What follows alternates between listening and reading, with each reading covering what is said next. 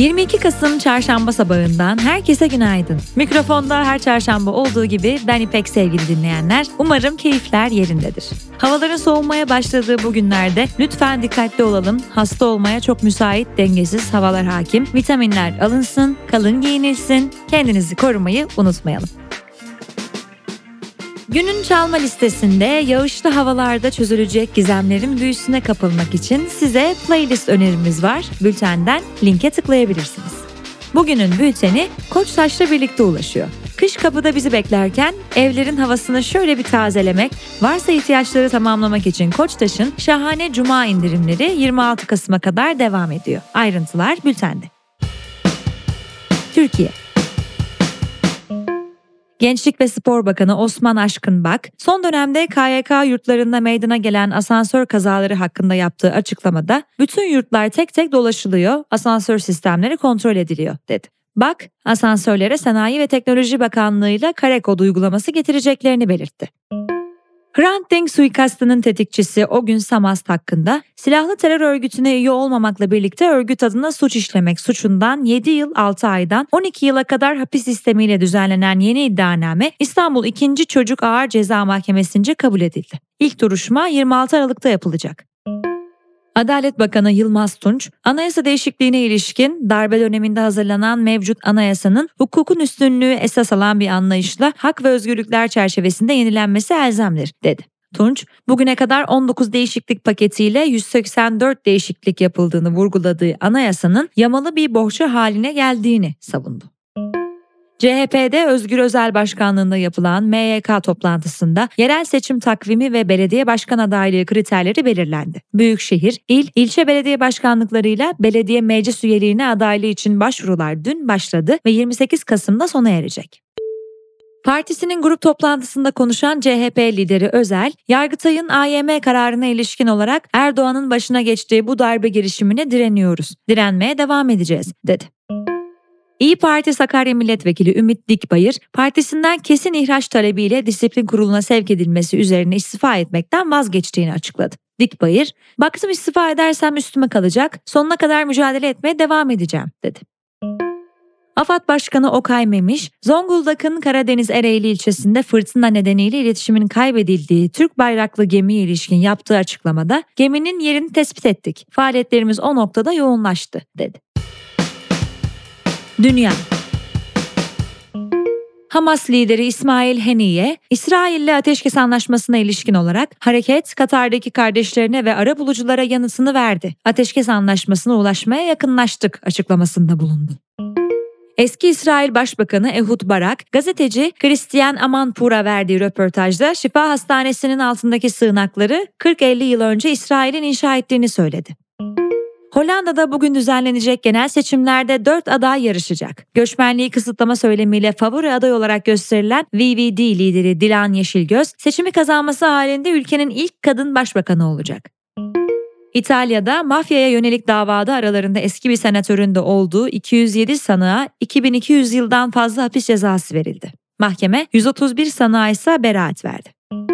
İspanya'da Başbakan Pedro Sánchez'in kurduğu kabinedeki 22 ismin 12'sini kadınlar oluşturdu. Sanchez bu hamlesiyle kabine pozisyonlarında dünyada en fazla kadının bulunduğu üçüncü ülke oldu. Ekonomi Borsa İstanbul, pay piyasasında işlem görmekte olan sermaye piyasası araçlarına iletilen emir ve kotasyonlarda uygulanmakta olan maksimum emir değeri sınırlarının güncelleneceğini bildirdi. Buna göre ilk 4 grupta sınırlar 2,5 katına çıkarıldı. Morgan Stanley, Türkiye Cumhuriyet Merkez Bankası'nın Kasım toplantısında politika faizinin 250 bas puan artırılacağı tahminini paylaştı.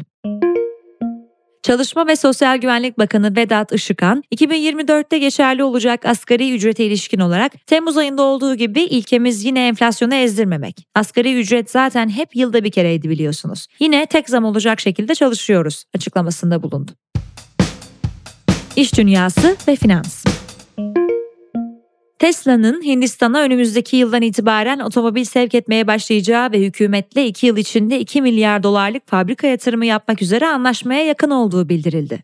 Bloomberg'in haberine göre anlaşmanın Ocak ayında açıklanması bekleniyor. Türk Exim Bank, Çin Exim Bank'la 21 Kasım'da yürürlüğe girecek şekilde genel işbirliğine yönelik bir mütabakat zaptı imzaladı.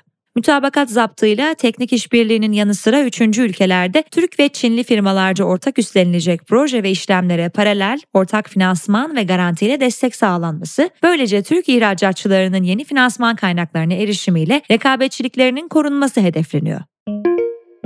İtalya, dünyanın en eski bankası Monte dei Paschi'nin %25'lik hissesini satarak 920 milyon avroluk gelir elde etti. Satış, başarısız ilk girişimin iki yıl ardından bankanın özleştirilmesi yönünde ilerleme kaydedildiği anlamına geliyor. Teknoloji ve girişim Geçtiğimiz hafta yönetim kurulu kararıyla görevden alınan, daha sonrasında ise Microsoft tarafından yeni bir yapay zeka birimine liderlik etmek üzere işe alınan eski OpenAI CEO'su Sam Altman'ın şirkete dönmek için isteği olduğu belirtildi. The Verge'e konuşan kaynaklara göre Altman, yönetim kurulu üyelerinin kenara çekilmesi halinde OpenAI'ya geri dönebilir.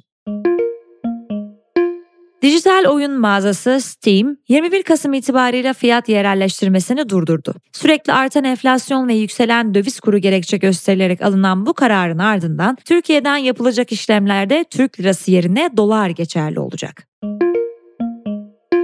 WhatsApp, hesap doğrulamasına yönelik yeni bir adım atarak e-posta adreslerinin de kullanıcı hesaplarına eklenmesine olanak tanınmaya başladı. WhatsApp hesapları şimdiye dek yalnızca SMS kodlarıyla doğrulanabiliyordu.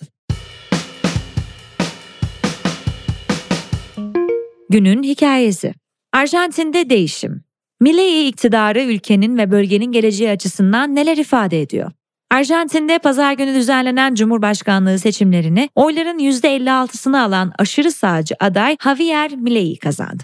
Milei, desteği %44 seviyesinde kalan rakibi eski ekonomi bakanı Sergio Massa'yı mağlup etti. Milei zaman zaman elinde bir elektrikli testereyle podyumlarda boy gösterdiği seçim çalışmalarında Trump benzeri aykırı açıklamaları, kürtaj ve iklim değişikliği karşıtı söylemleri ve ekonomi hakkındaki radikal önerileriyle dikkatleri çekmişti. Detaylar bültende.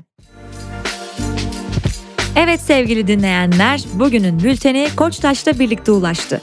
Mikrofonda ben İpek, Cuma günü tekrar görüşünceye dek hoşçakalın.